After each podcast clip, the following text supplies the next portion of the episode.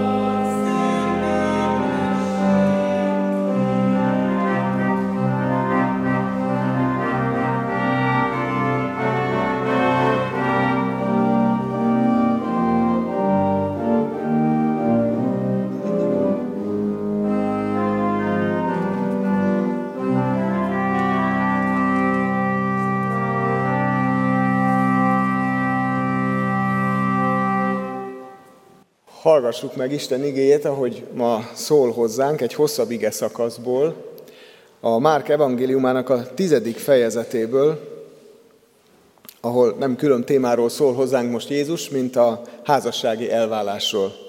Tekintvén, hogy egy nehezebb szakaszról van szó, és nem is nagyon rövid, foglaljunk helyet, így hallgassuk meg, amit Isten üzen ma nekünk.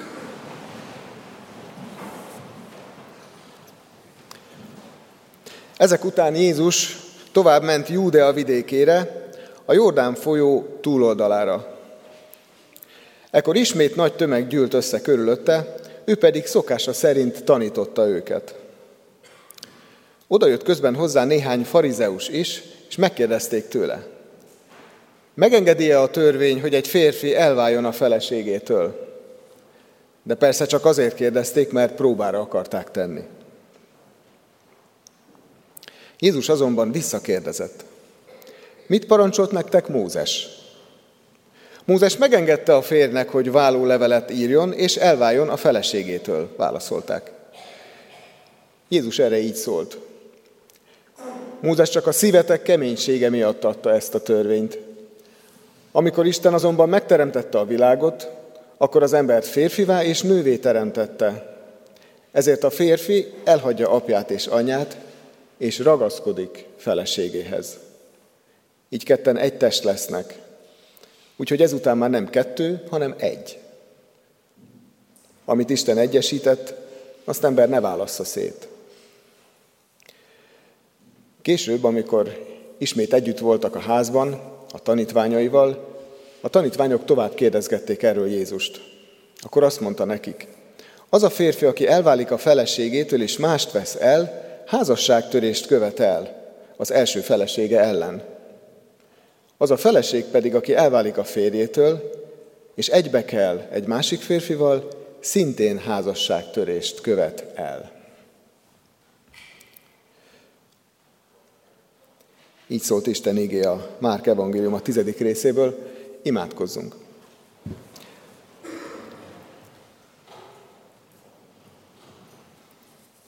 Jézus, úgy hallgattuk most ezt a, az igét, mint ami egészen máshogy szól, mint ami a rádióból vagy az internetről szól felénk. Mégis úgy hisszük, hogy a te szavad, a te üzeneted időtállóbb minden korszerűségnél. Mert te vagy az igazság forrása. Amit te mondasz, az igaz.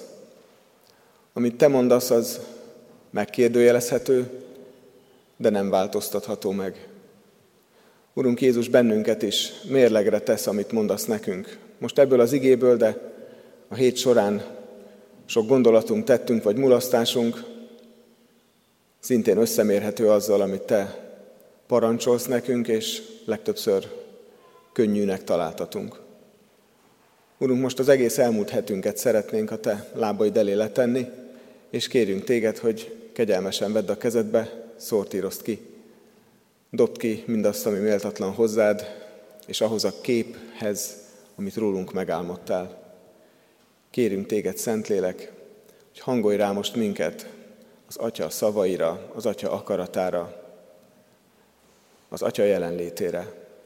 Urunk, szeretnénk teljesen egyesülni veled a gondolatainkba, a meggyőződéseinkbe, az akaratunkba, a döntéseinkben.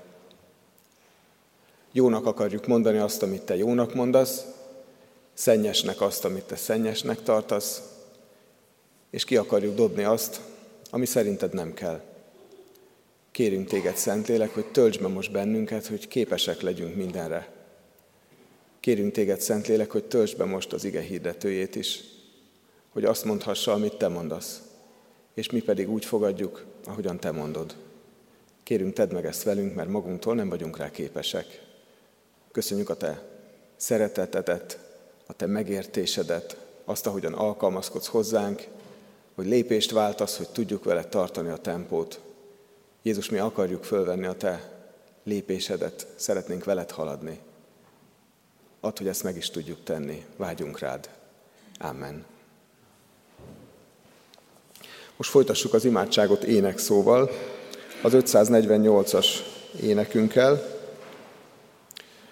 ami így szól, Jer, kérjük Isten áldott szent lelkét, legfőképpen az igaz hitért. 548 első és második verse.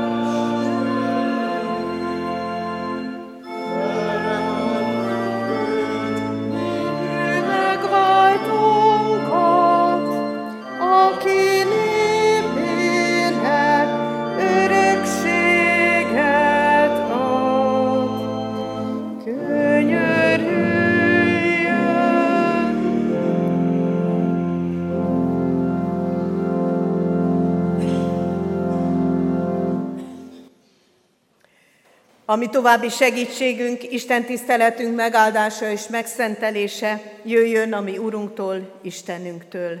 Amen.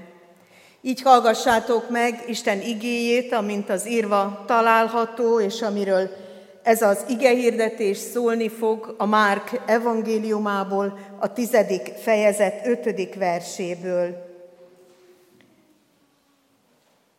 És Jézus így válaszolt, a ti szívetek keménysége miatt írta ezt a parancsolatot.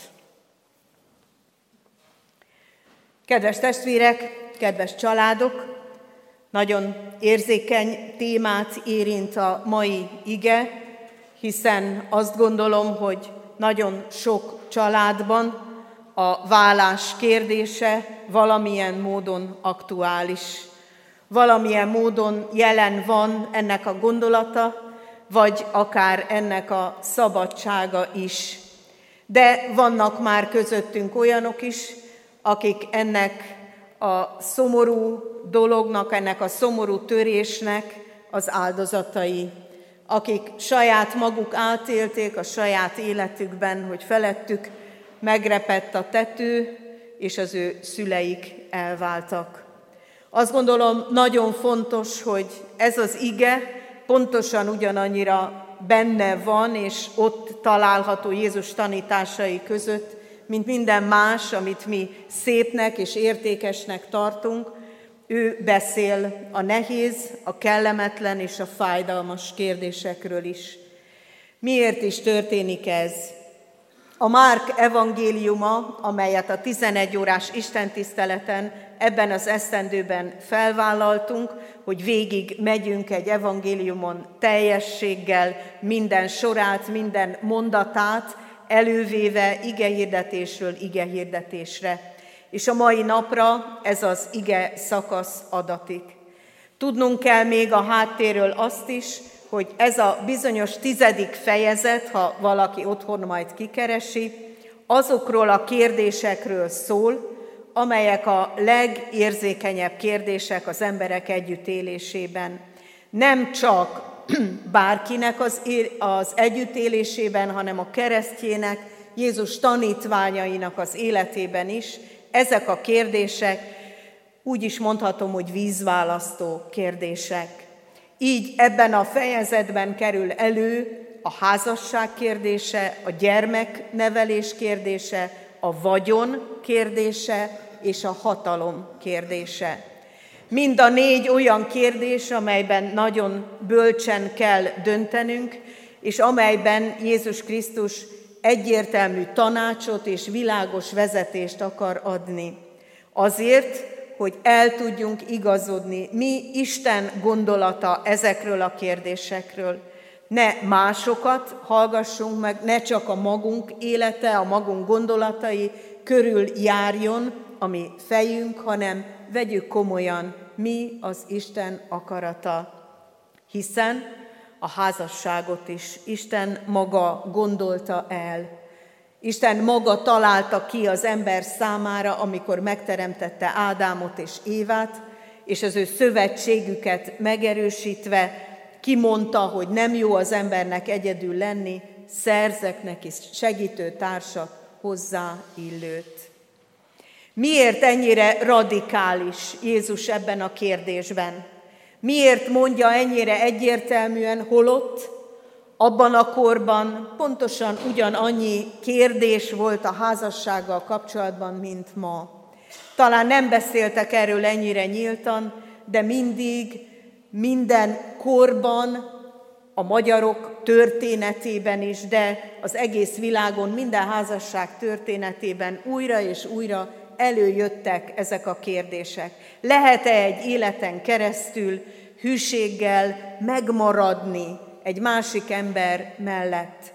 Nem lehetséges-e az, hogy valakinek sokkal jobb, hogyha kilép egy házasságból? Nem lehetséges-e az, hogy a vállás segítség? Jézus egyértelműen úgy mondja, és ezért kell ezzel az igével nekünk is komolyan foglalkoznunk, hogy a házasság az Isten gondolata. Ezért csak akkor fogjuk tudni jól betölteni a házasságot, ha nem társadalmi szükségszerűségnek, nem is csupán két ember szerelmére alapozva tekintünk rá, hanem úgy, mint ami az Isten terve, ami számunkra. Ami magában rejti azt is, hogy valójában beteljesíteni csak Istennel együtt lehet. Istennel hármasban. Mert különben a mi emberi gyarlóságaink mindenféle más helyzetre vonatkozóan is újabb és újabb töréseket fognak eredményezni. Ezért jó, hogy Jézus, amikor erre a farizeusok rá kérdeznek, úgy mondja az ige, hogy kísértően rákérdeznek, hogy szabad-e váló levelet írni a férfinek, amikor a felesége valami olyat tesz, mert hiszen Mózes ezt megengedte. Valóban így van, a Mózes 5. könyvében olvassuk ezt, hogy a férfi kiállíthatott egy vállólevelet, ha valami olyat talált a feleségében, amelyre úgy gondolta, hogy ő ezzel nem akar együtt élni. És a hosszú rabbinikus irodalomban végig olvashatjuk a vitákat arról, hogy mi a megfelelő ok. Mi az a bizonyos ok, amiért ezt a vállólevelet meg lehet írni. És nagyon különböző a rabbik véleménye a sok ezer évvel ezelőtti hagyományban, hogy miért is lehet például egy feleség megváltozásáért, vagy akár azért is, mert odaégette az ételt.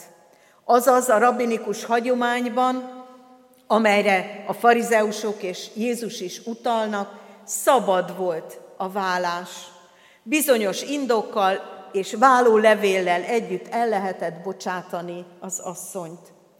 És ez azért fontos, hogy tudjuk, mert amikor a farizeusok Jézushoz oda mennek ezt megkérdezni, akkor tőle valójában csak az igazi indokot akarják hallani.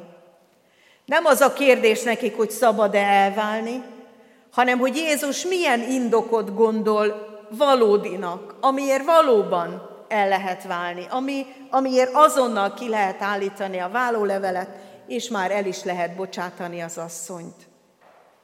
És Jézus ezért válaszol ennyire szigorúan, és ezért mondja el, és ezért mutatja meg, hogy Isten valódi akarata a házasság, az összetartozás, két ember szövetsége. Nem azt akarja a házassággal, hogy kényszerek legyenek azon a két emberen, hanem azt akarja, az volt a terve, az eredeti terve, hogy ez a két ember valósággal összetartozzon. Ezért akkor, amikor ezt a kiragadott kis vállólevéről szóló parancsot oda bökik Jézusnak, akkor ő az egész törvényre utal vissza. Mózes egész törvényére utal vissza, amelyen belül egyértelmű, hogy így mondja a hetedik parancsolat, ne paráználkodj. Azaz magyarra úgy fordíthatnánk, házasságot ne törj, házassági szövetséget, szeretett szövetséget ne törj meg. Amikor látjuk ennek a radikalitását, akkor azt is látjuk, hogy Jézus mit mond azt mondja, hogy ez azért következik be, mert kemény szívűek vagytok. Azért lehet egyáltalán a házasságról beszélni, és Mózes is azért teszi be ezt az egy verset oda a vállólevérről, mert kemény szívű lettünk, kemény szívű nép, kemény szívű emberek lettünk. Mit jelent ez? Mit akar ezzel Jézus mondani, ami a, ami a kemény szívűségünkről szól? Ez a bizonyos görög szó, amit itt ez az új szövetségi könyv használ, ez arról beszél, hogy ez a kemény szívű, ez a megmesszesedett szívű. Az, akinek szépen fokozatosan megkeményedett, szépen fokozatosan elmeszesedett a szíve. Biológiai betegségként ismerjük a szklerózis multiplex nevű betegséget, ahol ugyanaz a szó szerepel, mint ami itt a kemény szívűségnél. Ez a szklerózis multiplex egy olyan betegség, amelyben a bizonyos agyszövetek között olyan keményedés, messzesedés áll elő, amely aztán mindenféle problémát okoz az emlékezetben, aztán a mozgásban, attól függően, hogy melyik agyterületet érinti ez a bizonyos messzesedés, hegesedés. Jézus ugyanerről beszél, csak nem a fej, nem a biológia vonatkozásában, hanem a szív vonatkozásában, a gondolkodásban és a lélekben, mert ott is van messzesedés. Igen, ott is átéljük azt, hogy bizonyos dolgok az életünkben megkeményednek. Bizonyos beszélgetésekben átéljük, hogy már nem akarom hallani, amit a másik mond. Megkeményedek felé, konok maradok, és ragaszkodom a magam igazához. Ragaszkodom ahhoz, hogy igenis az, amit én mondtam, az az igazság, és már nincs nyitottságom a másik felé. És ez a szív messzesedés, ez a szív megkeményedés aztán olyan cselekvésekre indítja az embert, amely ő magának is, és a társának is fájdalmas. Nem lehet egy embert okolni sohasem a vállásért, az mindig két ember műve. Két ember kapcsolata messzesedik el, nő fallá, és lesz törékenyé. Ezért nagyon lényeges az, hogy minnyájan, amikor csak tudjuk, ahogyan csak tudjuk, ápoljuk a házasságunkat. Segítsük azt, hogy a másik tudja, hogy mi szeretjük őt. Legyünk készek arra, hogy meghallgassuk, hogy újra meghallgassuk őt, hogy feloldjuk ezeket a megkeményedéseket, feloldjuk ezt a kegyetlenséget, ezt a konokságot, ezt a másikkal szembeni lezárást, amelyben azt gondoljuk, nekem ő már ne beszéljen. Nagyon fontosnak tartom, hogy Jézus nem azért beszél a vállásról ilyen radikálisan, mert ne tudnak könyörülni azokon, akik elváltak. Jézus nem azért beszél ilyen radikálisan, mert ki akarja zavarni ezeket az embereket a templomból. Nem azért mond ilyeneket, mert nem szereti őket, hanem azért mondja ezt, mert segíteni akar. Segíteni akar azzal, hogy kitisztázza a helyzetet. Segíteni akar azzal, hogy mindenkinek a maga felelősségét, bármely elrontott kapcsolatra nézve, oda helyezi a szívünkre. És azt mondja, vigyázz, figyelj a másikra, mert ott van a parancsolatban, szerest fele barátodat, mint magadat. De ha magadat jobban szereted, a saját érdekeidet előbbre helyezed, mint a másikét, akkor ezek a kapcsolatok elmeszesednek. Tudjuk azt is, több evangéliumi történetben is van, hogy Jézus találkozik ezekkel a bizonyos elbocsátottakkal, a paráznákkal. Minden esetben azt látjuk, hogy a paráznákkal való találkozása nem azzal végződik, hogy elzavarja őket, megítéli őket, nem az a célja Jézusnak, hogy azok, akik paráznává lettek, vagy paráznává tettek valakit, azok menjenek el az Isten gyülekezetéből, hanem az a célja, hogy rendezzük a kapcsolatainkat.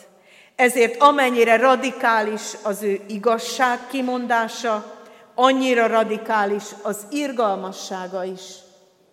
Mert azt mondja a házasság törő nőnek, menj el, és többé ne védkezzél.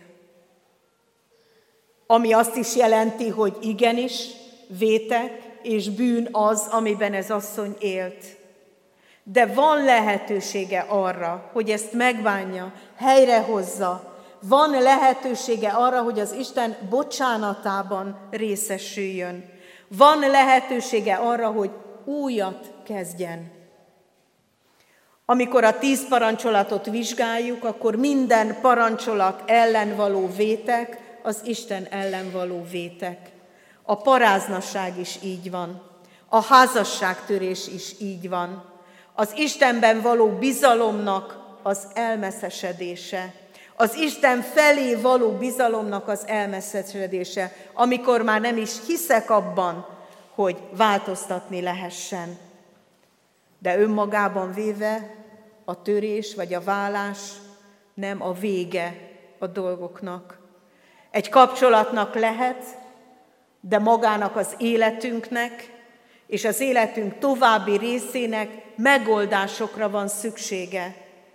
Az, hogy valaki védkezett, és kizárják valamely közösségből, mert lopott vagy ölt, önmagában nem oldja meg a vétket, és nem oldja meg az életét. Ugyanígy a paráznaság sem oldódik meg azzal, hogy valakiről lemondunk, valakit kizárunk az életünkből vagy a családunkból. Nekünk ezekkel a kérdésekkel tovább is dolgoznunk kell.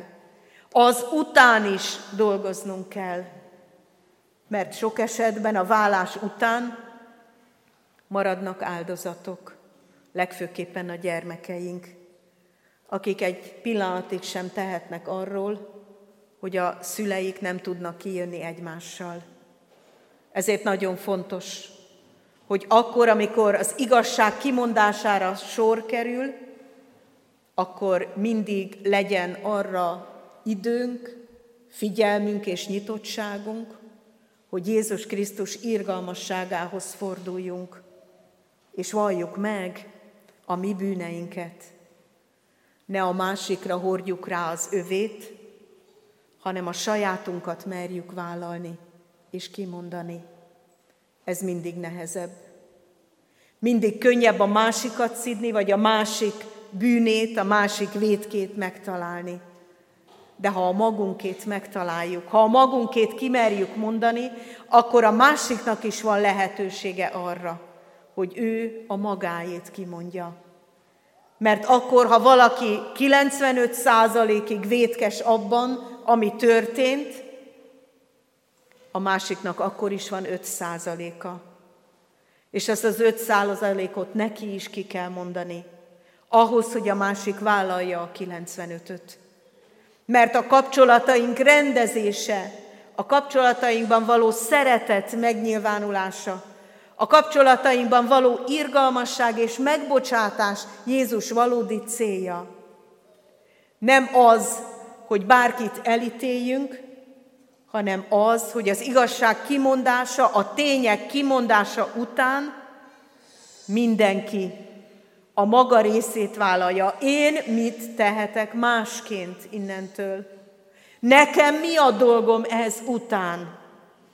Nem az, hogy a másikat egész életében haláláig csak szidjam, hanem az, hogy megtaláljam azt az utat, amelyben mind a ketten kimondva a tényeket és az igazságot mégis Isten kegyelmiért meg tudunk bocsátani egymásnak.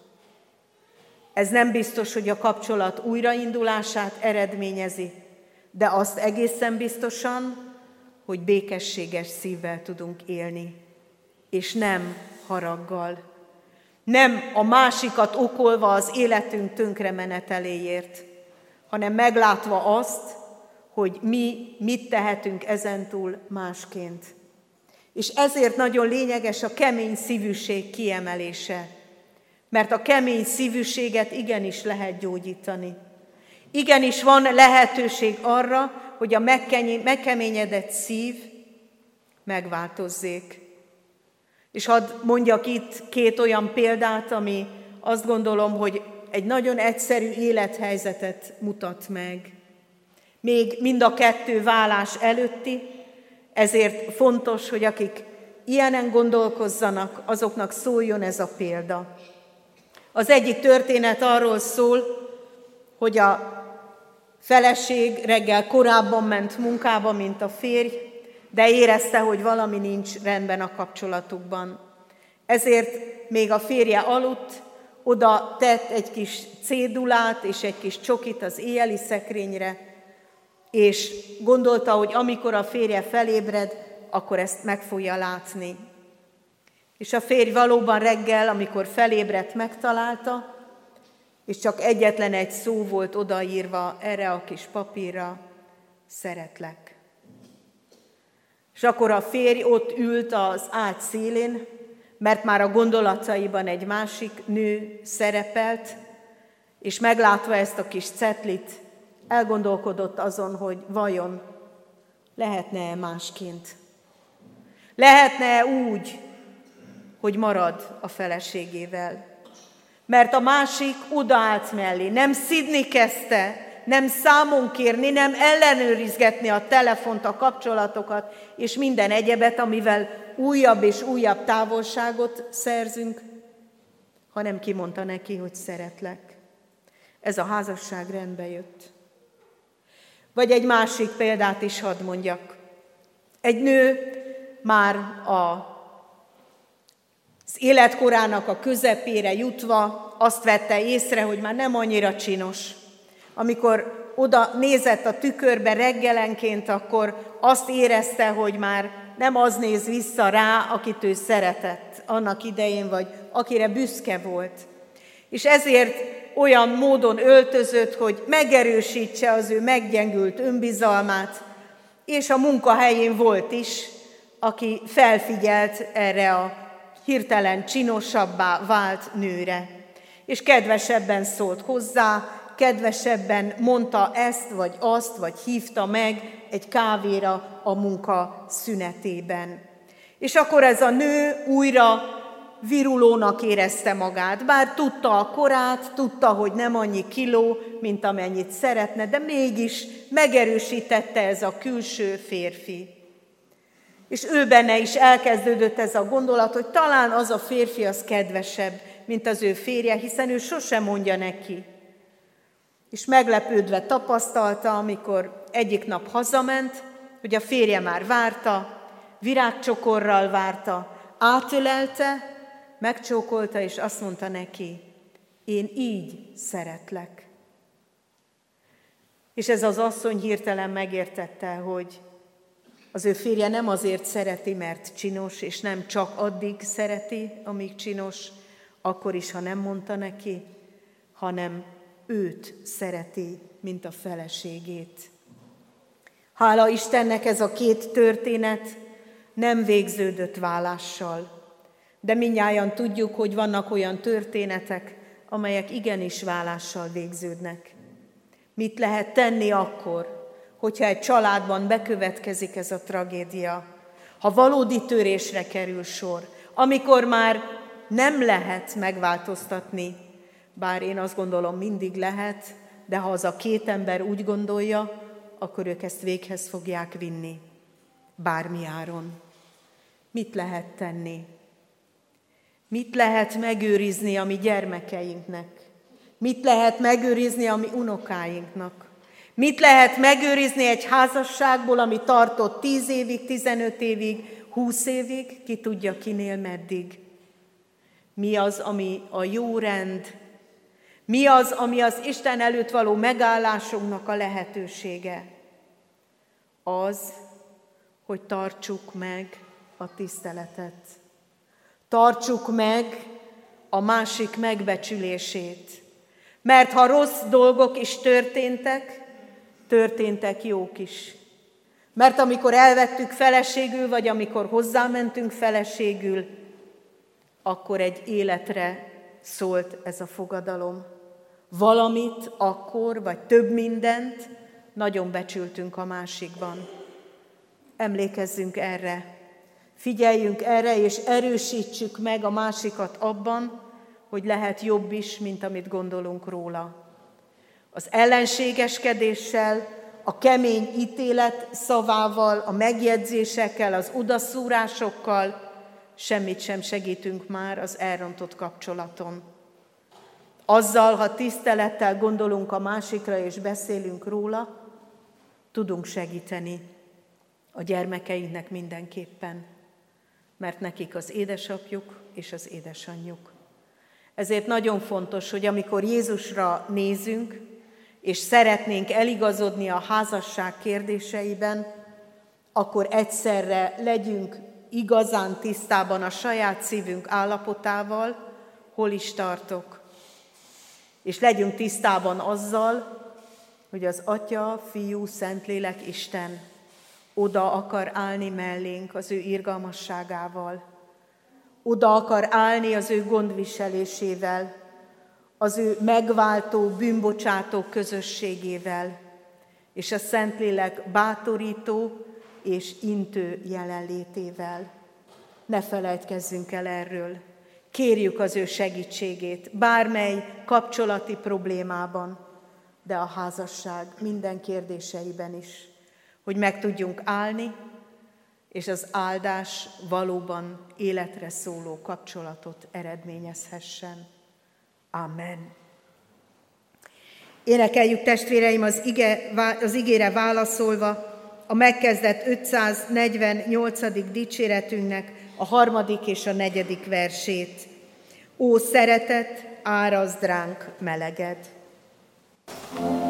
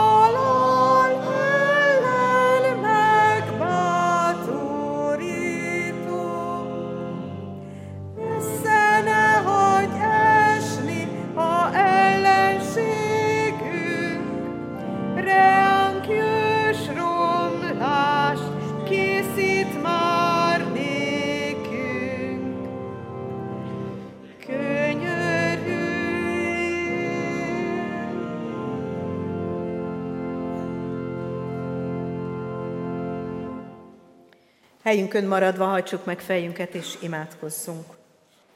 Drága Úr Jézus Krisztus, köszönjük neked, hogy Te mindenről nagyon világosan beszélsz a Te igédben.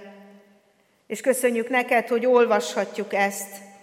Köszönjük neked, hogy kereshetjük a Te örökkévaló igazságaidat, amelyek segítenek nem csak abban, hogy magunkat megértsük, hanem hogy a többiekkel jó kapcsolatban lehessünk, szeretett kapcsolatban lehessünk. Urunk, bocsáss meg nekünk azt a sok törést, bántást, fölösleges szót. Bocsáss meg nekünk a gonosz tetteket, a kegyetlenkedéseket. Bocsáss meg a mi konokságainkat, és bocsáss meg, hogy oly sokszor egyáltalán nem kértünk bocsánatot, egyáltalán nem rendeztük el hanem megkeményedtünk a magunk igazságában. És bocsáss meg, hogy ezért oly sok kapcsolatunk tönkrement, oly sok kapcsolatra nehéz még rágondolni is, mert fájdalom van benne. Legszívesebben elfelejtenénk. Kérünk téged, hogy amikor most emlékezünk, amikor most elénk hoztál kapcsolatokat, arcokat, elrontott és fájdalmas embereket, akkor ne csak arra gondoljunk, hogy újra bevédjük magunkat, hogy soha többet, hanem arra is gondoljunk, hogy hogyan tudunk értük imádkozni, és ha a te kegyelmedből lehetséges, akkor te általad és te benned irgalmasan élni. Kérünk téged, Úr Jézus Krisztus, hogy taníts minket akkor is, amikor nem kényelmes, jó, vidám, örömteli a helyzet. Hogy akkor is jól értsük a te szavadat, és akkor is hallgassunk rád. Ne válogassuk ki a Bibliából azt, amit könnyű érteni, vagy olyan szépen hangzik, hanem merjük azokat a sorokat is olvasni, amely egyben a mi ítéletünk is, amely megmutatja a szívünk állapotát, megmutatja a mi megkeményedéseinket, és megmutatja a mi töréseinket. Könyörű rajtunk, hogy őszintén tudjunk odállni eléd, őszintén tudjunk imádkozni, és őszintén merjünk rendezni is kapcsolatokat, olyanokat is, amelyek fájdalmasak. Kérünk, hatalmaz fel erre a te által, és könyörű rajtunk a mi hétköznapjainkban. Amen. Mondjuk el együtt az Úr Jézustól tanult imádságunkat fennállva. Mi, atyánk, aki a mennyekben vagy, szenteltessék meg a te neved. Jöjjön el a te országod, legyen meg a te akaratod, amint a mennyben, úgy a földön is. Minden napi kenyerünket add meg nékünk ma, és bocsásd meg védkeinket, miképpen mi is megbocsátunk azoknak, akik ellenünk védkeztek.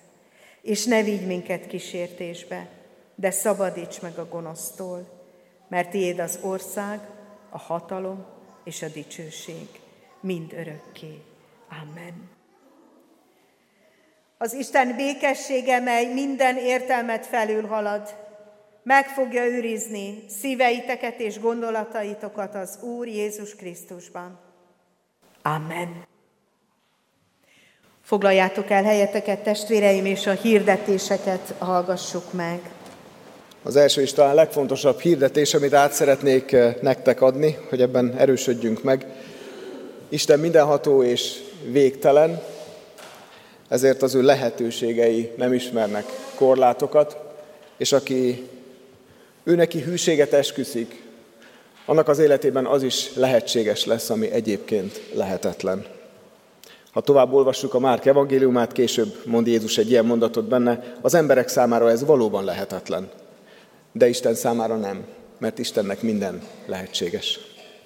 Azt hiszem erre a történetre is igaz ez, amiről most hallhattuk az ige hirdetést. A gyülekezetünk hírei közül az élet, a halál és a jövendő híreit olvasom legelőször. Az élet híre, elmúlt héten kereszteltük Bimbó Benettet és Borbás Bendegúzt itt az úrasztalánál. Isten áldja meg az ő életüket továbbra is. Halottainkat hirdetem, Mészáros Józsefné Sebők Terézia 74 éves korában távozott. Bodics Árpád Lajosné Ötvös Irma 68 évesen halt meg. Fazekas József 91 évet élt. Az ő temetésük szerdán lesz a köztemetőben. Tóth József 64 évet élt, Kis Mihály István pedig 65 éves korában távozott. Az ő temetésük pénteken lesz szintén a köztemetőben. És a jövendő hírei, házasulandó jegyesek, Első ízben hirdetem, hogy forró Dániel ceglédi születésű református ifjú eljegyezte Barakkó Bernadett kecskeméti születésű evangélikus hajadont. Áldja meg őket Isten a készülődésben, és aztán majd a következő évtizedeikben. Néhány hírt még kiemelek. Egyébként az összes hírünk a, a crack.hu oldalon elolvasható, úgyhogy most nagyon sokat nem fogok belőle mondani. Az adományok közül szeretném kiemelni a, az Emmaus ház javára, bocsánat, a Széchenyi-városi misszióra érkezett adományokat, 45 ezer forint érkezett a Széchenyi-városi templomépítése és misszióra. Egyébként már közel 24,5 millió forintot összeadakoztunk 2016 óta, bátorítok mindenkit, hogy továbbra is folytassa ezt a szolgálatot, akinek a szívén van. Egyébként, ami még a Széchenyi Városi Gyülekezet részünket illeti, újra indultak a, a személyes jelenlétű istentiszteletek a Széchenyi városban, a, a szokott helyen, az egészségügyiben. 9.30-kor kezdődnek ezek az alkalmak vasárnaponként most már. Illetve két közösségi programot ajánlok még a figyelmetekbe, figyelmünkbe.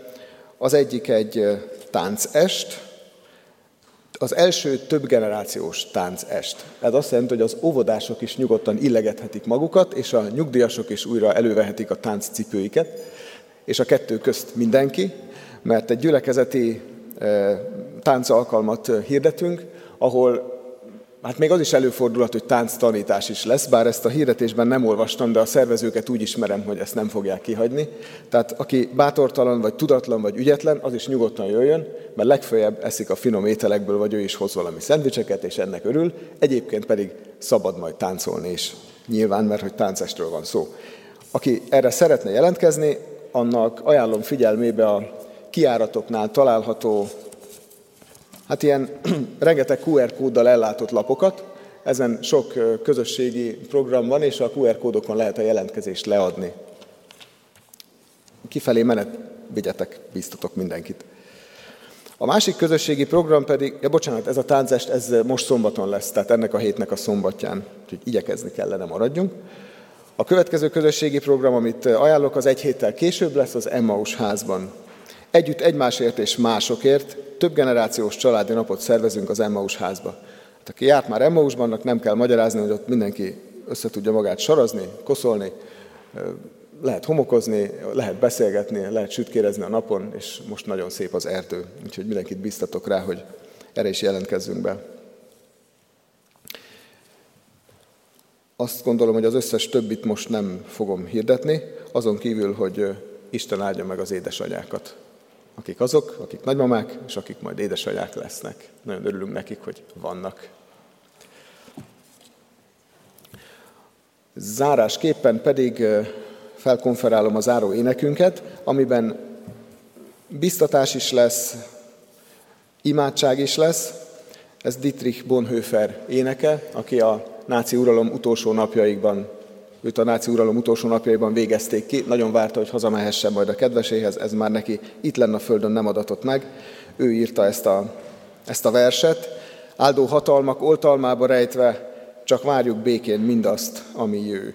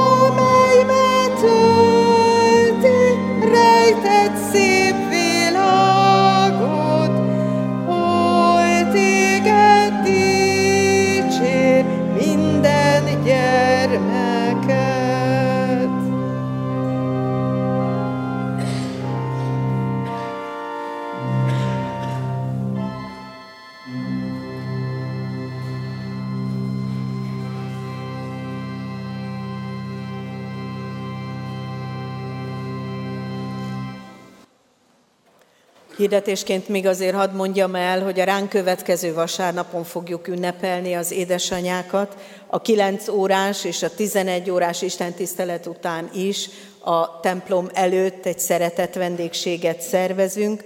A 11 órás istentiszteleten az óvodánk egyik csoportja fog szolgálni, ők készülnek erre az alkalomra, úgyhogy a jövő vasárnap is 9 és 11 órára is szeretettel várunk mindenkit. Most mondjuk el a közös záróimádságunkat. Hűséges Jézusunk, tégy minket a Te szófogadó tanítványaiddá. Amen. Áldott vasárnapot kívánunk továbbra is a családoknak, békességes és szeretetteljes együttlétet. Áldás békesség!